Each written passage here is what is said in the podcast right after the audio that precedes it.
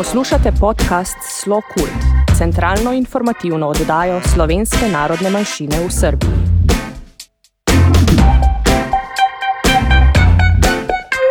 Drage poslušalke, dragi poslušalci, dobrodošli v posebno oddajo podcasta Slo Kult. Zakaj posebno? Ker bomo danes zadeve naredili nekoliko drugače. Imamo namreč ekskluzivno priložnost, da je med nami gospa Helena Jaklič, ministrica za slovence v zamestvu in po svetu. In ker več kot vsak povzetek pove par besed iz prve roke, draga Helena, lepo pozdravljeni. Ja, lepo zdrav, res sem vesela, da sem danes tukaj z vami in da lahko malo pogledamo uh, skupaj, kako je življenje. To pa tudi pri nas v Sloveniji. Včeraj ste nas počastili svojo prisotnostjo na praznovanju ob 20. obletnici obstoja Društva Slovencev v Beogradu, Društva Sava. Predtem pa ste se srečali tudi s predstavniki ostalih društv po Srbiji. Kakšni so vaši vtisi, kako se počutite med nami in kako ste doživeli včerajšnji dan, ki je bil še kako poven? Ja, najprej moram reči, da sem se počutila zelo prijetno, zelo spre, toplo sprejeto, kar se mi je zdelo tudi zelo pomembno. Uh, tudi sama sem upam, da pokazala, da sem res vesela, da sem tukaj z vami, da uh, delimo te praznične trenutke, tudi 20-letnice Društva Sava skupaj. Uh, tudi, seveda, ko sem pa se pogovarjala v člani društva. Eh, tudi o tem, ko so predstavljali njihovo življenje, družbeno življenje, z nekoliko zaskrbljenostjo, seveda zrem v uh, naslednje tedne, mesece, tudi z vidika tega, uh, kar je povzročila epidemija, ko so družbena vrata se zaprla, ni bilo mogoče tako pristno živeti to uh, skupnost, slovensko skupnost, ampak sem prepričana, da bo. Uh, Tudi naslednji mesec dali novega zagona uh, vsem slovencem, ki so tukaj se je torej včeraj, včeraj dalo občutiti ta prehod ponovno v tako imenovano normalo, oziroma karkoli sledi. Jaz bi rekla, da, ja, da smo bili vsi zadovoljni in veseli, da smo lahko zopet skupaj, osebno, eh, da smo lahko srečali. Sama sem že nekaj mesecev načrtovala ta obisk ker sem res želela uh, biti tukaj z našimi rojaki, ampak uh, je epidemija znova in znova ta obisk preprečevala, tako da je bilo čutiti, no, da ta, ni, ga ni čez osebnosti, ga ni, ne more nadomestiti noben zoom, noben telefonski pogovor, uh, tudi ne nobeno elektronsko sporočilo, kot pa tisto, ko si srečaš, si stisneš roko in se tudi pogledaš, vidiš in uh, drug drugemu nasmeješ. Res je. Povejte, ste prvič v naših krajih ali uh, vas na Beograd in Srbijo vežejo morda tudi kakšni zgodnejši spomini? Uh, pravzaprav sem tukaj drugič, oziroma če rečem tretjič, je to zato, ker, so, uh, ker sem imela enkrat let, ki je bil vezan uh, iz Tirane preko Beograda in se je letalo zaradi tehničnih motenj vrnilo nazaj. Tako da smo noč preživeli v Beogradu. Moram reči, da tista izkušnja je bila tako zanimiva. Tudi zato, ker sem imela zraven sopotnico, ki je bila zelo prestrašena. Že tako je rekla, da ima strah pred letenjem. Potem pa še to. Um, drugače. No. Drugič, eh, prvič pa sem pravzaprav Beograd uh, spoznavala v dvodnevnem uh, obisku, ker se mi zdelo, da veliko lepega sem slišala, vendar le je pred tolikimi leti bilo to glavno mesto uh, naše skupne države in se mi zdelo prav, da, uh, da, da pogledam, kako se razvija Beograd. In mi je bilo takrat, že takrat uh, mesto kot tako zelo všeč me veseli in verjamem, da ni zadnjič. Da ne, zagotovo ni zadnjič. Sem se vmesel že včeraj zvečer v hotelu, ko sem uh, uh, se pripravljala na, na obisk na današnji dan. Sem tudi že s, s prijatelji se pogovarjala in dogovarjala, za ponovn, da pridemo tukaj sem, uh, tudi čisto tako neformalno, da, malo, uh, da si pogledamo uh, ta prostor, ta kraj in tudi vse, kar lepega ponuja uh, to mesto in okolica. Po izobrazbi ste sicer doktorica zgodovine. Odkot ideja sploh za to usmeritev v življenju in ali to vaše poglobljeno zgodovinsko znanje tudi danes pride prav v vseh stvarih, ki jih počnete v tej vlogi? Uh, ja, bi rekla, da uh, znanje zgodovine nikoli nikomor ne škodi, ne glede na to, katere pokam ga poklic na pot zanese, uh, ker um, razumeti zgodovino pomeni tudi razumeti na nek način sedanje to, kar smo. Uh, zakaj sem se odločila za študij zgodovine? Očitno je to nekaj pogojeno z tem, da uh, prihajam iz družine, kjer je mama slovenka, oče kočevar. Uh, in smo to kočevarsko plat tudi zelo uh, živeli v smislu ohranjanja uh, dediščine, kulturne dediščine uh, kočevarjev. In to nas je zaznamovalo. In verjamem, da je to razlog tudi zato, ker smo obe sestri se odločili za študij zgodovine. Uh, sama sem želela potem, poleg zgodovine, študirati tudi slovenščino, ampak ker je to zbrala sestra prej kot jaz, mi je dala alternativo, da smem od obeh študij zbrati samo enega, da ne bomo obe študirali enake, uh, obeh enake smeri. Tako da jim potem seveda je bila izbira uh, zgodovina pa vendar vas slovenščina sploh ni zaobšla. Eh, med drugim ste na Ministrstvu za kulturo sprva delovali v službi za slovenski jezik. Kako vi osebno doživljate ta odnos med jezikom in identiteto, eh, morda tudi narodnostno pripadnostjo? Je, meni je slovenski jezik res zelo ljub. Pač je to je moj jezik, eh, tisti najbolj intimni jezik, s katerim čutim, govorim, razmišljam. Uh, zdi se mi, da je tudi slovenski jezik nekaj res lepega, da smo lahko prvičeno ponosni na, uh, na, našo, na našo besedo. Ker treba je vedeti, mi že 1300 let in še več je naš jezik. Če vzamemo brižinske spomenike iz 9. stoletja in vzamemo recimo transkripcijo, da jih razumemo, vemo, kaj piše, če to ni nekaj res velikega, potem ne vem. Ali pa da smo kot narod, ki smo tako majhen, uh, eden izmed prvih. Narodov sveta dobili prevod, celotni prevod uh, svetega pisma v slovenskem jeziku. Uh, tako da tudi v službi za slovenski jezik uh, mi je bilo zato lepo, ker sem videla, kaj lahko mogoče nekaj malega prispevam uh, k lepšemu temu odnosu do jezika, na katerega včasih malo pozabljamo. Se nam zdi, da je tako samoumeven, da z njim delamo.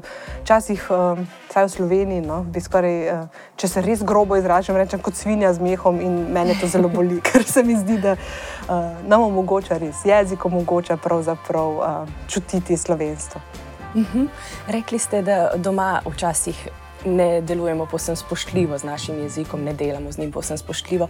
Kaj pa v tujini je, kako drugače pri nas, izseljencih, ko nas srečujete tako lepo svetu, naš odnos do jezika? Uh, jaz bi rekla, da je tukaj uh, veliko bolj zavestno prisotna ta misel, kako uh, težko je ohranjati jezik, kako težko je pravzaprav. Uh, Skrbeti za njega v okolju, ki je vsakodnevni jezik drug, ti sporozumovalni, je to res ena um, ne le osebna odločitev posameznika, ki zahteva potrjevanje dan za dnem, znova in znova, in tudi potem, ko, dobi, eh, ko si ustvari človek družino, ko mora ponovno odločiti se, za, ali bo ta materni jezik, slovenski jezik ohranjen. Uh, ampak se mi zdi, da je znova in znova se srečujem vse posod s tem, kako lepo govorijo v slovenskem jeziku, kot nečem, kar je pač res uh, bolj zavestno prisotno kljub temu, da ga mogoče kdo ne govori več dobro ali ga niti pravzaprav je zreduciran ali pa uh, njegova, njegov besedni zaklad, slovenski besedni zaklad na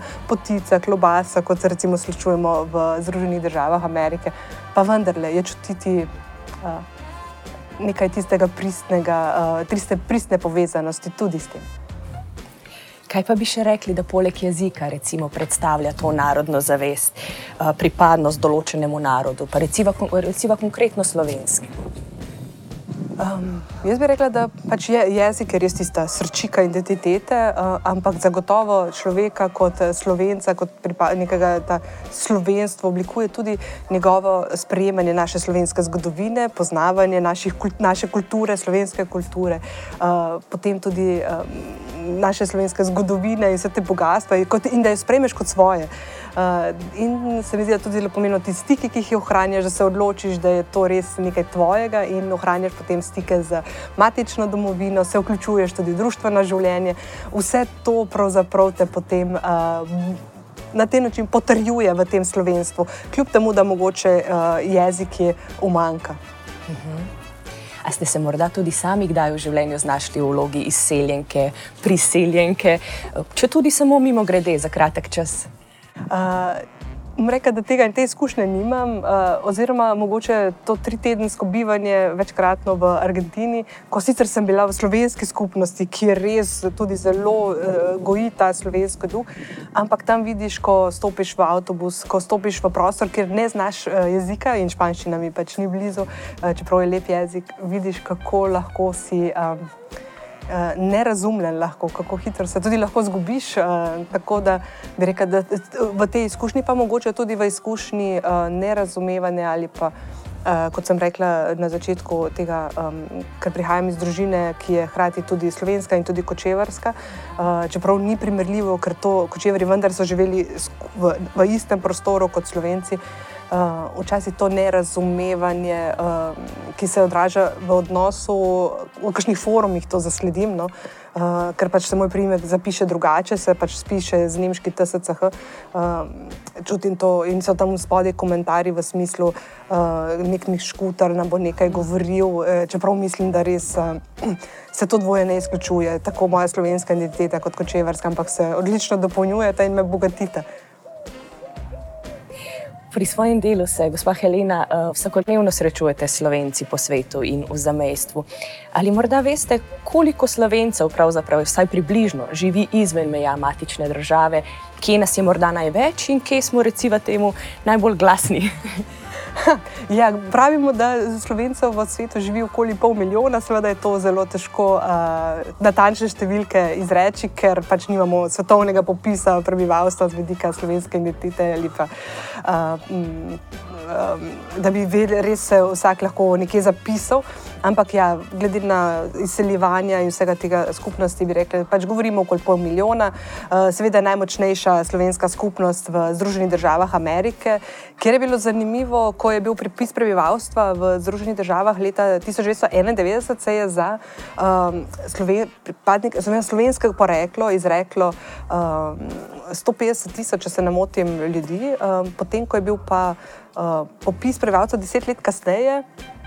Uh, ko je bila Slovenija že samostojna, uh, samostojna država, tudi mednarodno priznana, je pa ta številka zrasla za 50 tisoč ljudi. Se pravi, tudi to, da imamo svojo državo, uh, nekje budi ponovno, uh, bi rekla, to občutek pripadnosti in povečuje to število slovencev, ki uh, se čutijo, oziroma se zavedajo svojega slovenskega porekla. Kje pa so seveda najbolj glasni, težko rečem, zagotovo so najbolj aktivni v tem smislu. Uh, um, da pač eh, najbolj deja, široko razvejeno dejavnost, zagotovo bi rekla, da Slovenci v Argentini. Uh. -huh. Ampak eh, tudi, recimo, zdaj, ko sem v Beogradu, tu vidimo, imamo društvo Sava, društvo Kredarica, kjer je tudi številčno članstvo zelo močno v društvih, ker je seveda tudi potem aktivnost eh, s tem pogojena, da je ve več um, družbene dejavnosti, raznolike dejavnosti, vse to, seveda, um, vsak na svoj način. No, bi, bolj, bi bil verjetno bolj prav odgovor, da pravzaprav Slovenci posod po svetu se trudijo biti aktivni, vsak na svoj način, znotraj možnosti, ki jih imajo, tako številčne, kot recimo uh, čisto materialne ali kaj podobnega bi morda lahko izpostavili neko skupno problematiko, recimo izziv, s katerim se srečujemo Slovenci, pa naj si bomo že kjerkoli po svetu, razen seveda v matični državi. Omenili smo že ta jezik, ta občutek tujosti, ki se vendar lahko pojavi. Morda še kaj? Ja, jezik je zagotovo nekaj, kar uh, najbolj. Uh, je čutiti kot ena tista izziv, s katerim se sooča, zagotovo pa tudi, kako pritegniti mlade v to uh, slovensko skupnost v smislu aktivnosti. Mladi, mladi um, se v družbenem življenju mogoče ne preznajo več toliko, oziroma iščejo drugačne načine te. Uh, Tega povezovanja, bolj sodobnega, bolj internetnega, bolj drugačnega. To je zagotovo ena stvar. In pa en, en velik izziv, s katerim pa se ne srečujejo samo Slovenci v uh, po svetu, ampak pravzaprav tudi mi v matični domovini, to pa je seveda demografsko vprašanje. Eh, število rojstev se povsod zmanjšuje, tako da tukaj imamo pa vsi svoje poslanstvo, ki ga moramo upraviti, če želimo kot narod obstati. Če nas številčno ni, potem tudi naroda ne more biti, ne more biti uh, jezika, ne bo, ne bo kulture, ne bo skratka ničesar, kar že 1300 let in še več nosimo sabo in je to res naša izjemna, duhovna, bogata tradicija. Zdaj smo se pa že dotaknili uh, dveh glavnih točk. Uh, Popisa prebivalstva, ki prihaja pravzaprav in te problematike demografske in uh, mladih. Želel sem vas vprašati, ker namreč pred popisom zaznavamo tudi en nekoliko bolj negativen trend in to je ravno to, da je zelo težko privabiti mlade, da so mladi precej neodzivni. Ali morda glede na to, da ste rekli, da se s podobno zadevo srečujemo slovenci tudi drugot po svetu, Ali morda imate kakšen nasvet, kakšno idejo, kako, kako še pristopiti mladim?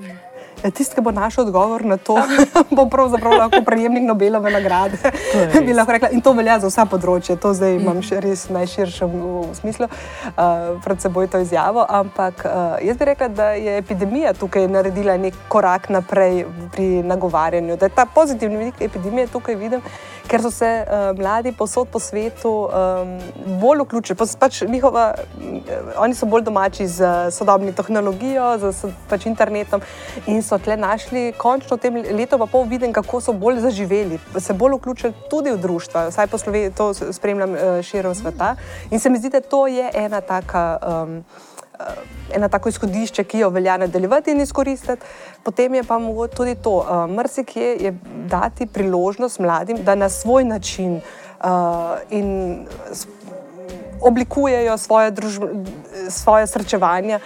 Ne, da, ni, da mogoče tudi starejši dajo priložnost mladim na njihov način, da mogoče kakšna tudi odgovornosti preludajem, da so sami so odgovorni in odgovorni za to, kar počnejo. Uh, lahko je zelo radikalno z vidika nekoga, ki je uh, pač starejši in drugače vidi, ampak naj bo to njihovo. Jaz mislim, da to je tudi ena od teh poti, kako. Um, kako jim dati svoj prostor no? in da jih tudi nagovoriti, da se bodo vključili. Želela sem vas vprašati, še prej smo omenili Slovence v Ameriki, živimo seveda tudi povsod drugje. Ali se poznamo med seboj? Ali denimo Slovenci v Argentini vedo za Slovence v Srbiji in obratno? Uh, jaz bi rekel, da to, to je nekje, kjer vsi trpijo imamo nekoliko uh, pomankanje, trpijo malo pomankanje znanja. To ne samo, da uh, se mogoče premalo poznamo, kje vse Slovenci po svetu uh, živijo, da bi se slovenske skupnosti po svetu poznale. Mislim, da to znanje umanka tudi v matični domovini in je to treba res veliko še narediti. Uh, Ampak spet smo pri epidemiji. Epidemija je za svojo um, povezanost preko spleta povezala res, mislim, da zelo dobro. Um, Skratka, nihče prej ni pomislil, da bi Slovenci v Avstraliji mogoče pripravili skupno srečanje z Slovenci v Ameriki ali pa Slovenci v Evropi, ki bi se. Skratka, to povezovanje se je pa zdaj začelo. Nekdo je pripravil uh, dogodek, povezavo delil širom sveta in so se začeli povezovati. In recimo tako primer odlične prakse tega povezovanja je uh, spostavitev slovenske globalne gospodarske povezave. Uh, v lanskem letu uh, je začela svojo pot, ravno v epidemiji, in je neverjetna. Uh, namreč v to povezavo so se že vključili slovenci, uspešni podjetniki iz vsega sveta, in sedaj so se začeli že združevati z slovenskimi podjetji, gospodarstveniki v zamestju in iskati stike v matični domovini. In se mi zdi, da to je. Uh, Da to je ena taka stvar, ki odpira drug drugega, nas, da vidimo, da smo skupaj, da nismo vsak zase in biti skupaj je potem tudi lažje premagovati marsikaj izziv, marsikaj težavo, pa se tudi skupaj veseliti in se to veselje zagotovo samo pomnoži. Kakšna lepa praksa sreče v nesreči. Hvala vam tudi za ta vidik. ja, jaz mislim, da je res. Jaz mislim, da je res. Uh, da ta epidemija v tem smislu pa je res prinesla um, en korak naprej. In ko sem sodelovala na katerih od teh dogodkov, ja, jaz vam moram reči, s kakšnim veseljem, kako res eno tako. Um, res, Ko so se srečali, a vi ste iz Švedske, ste se povezali, le tako je prišel nekdo iz Avstralije, le tako nekdo ob 4 zjutraj sedel za računalnikom, čisto na drugem koncu sveta in sodeloval na dogodku. In to je bilo, čeprav je bil dogodek prek spleta, je bilo res čutiti. To pristno veselje, pristno navdušenje. Uh, aha, vi ste tukaj, dajmo se povezati, dajmo si kontakte uh, izmenjati. Tako da, ja, to je res en tak velik, velik plus, bi rekla, tega, te nesreče, ki je zaobjela pravzaprav v svet.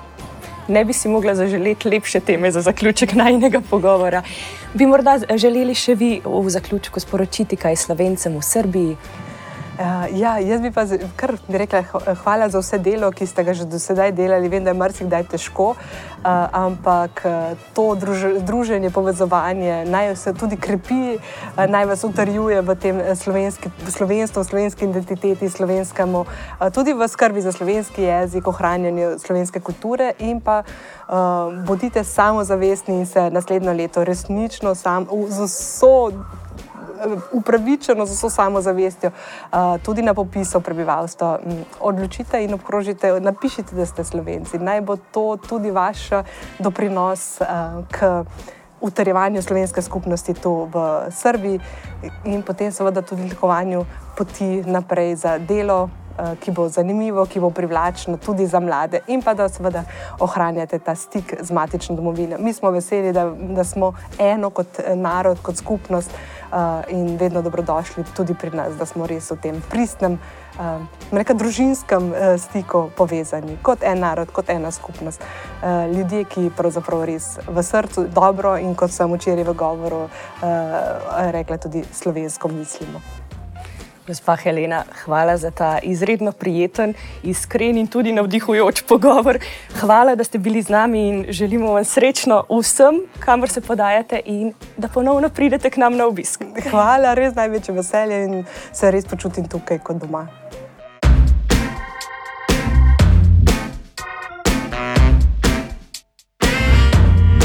Dragi poslušalci, hvala za vašo pozornost.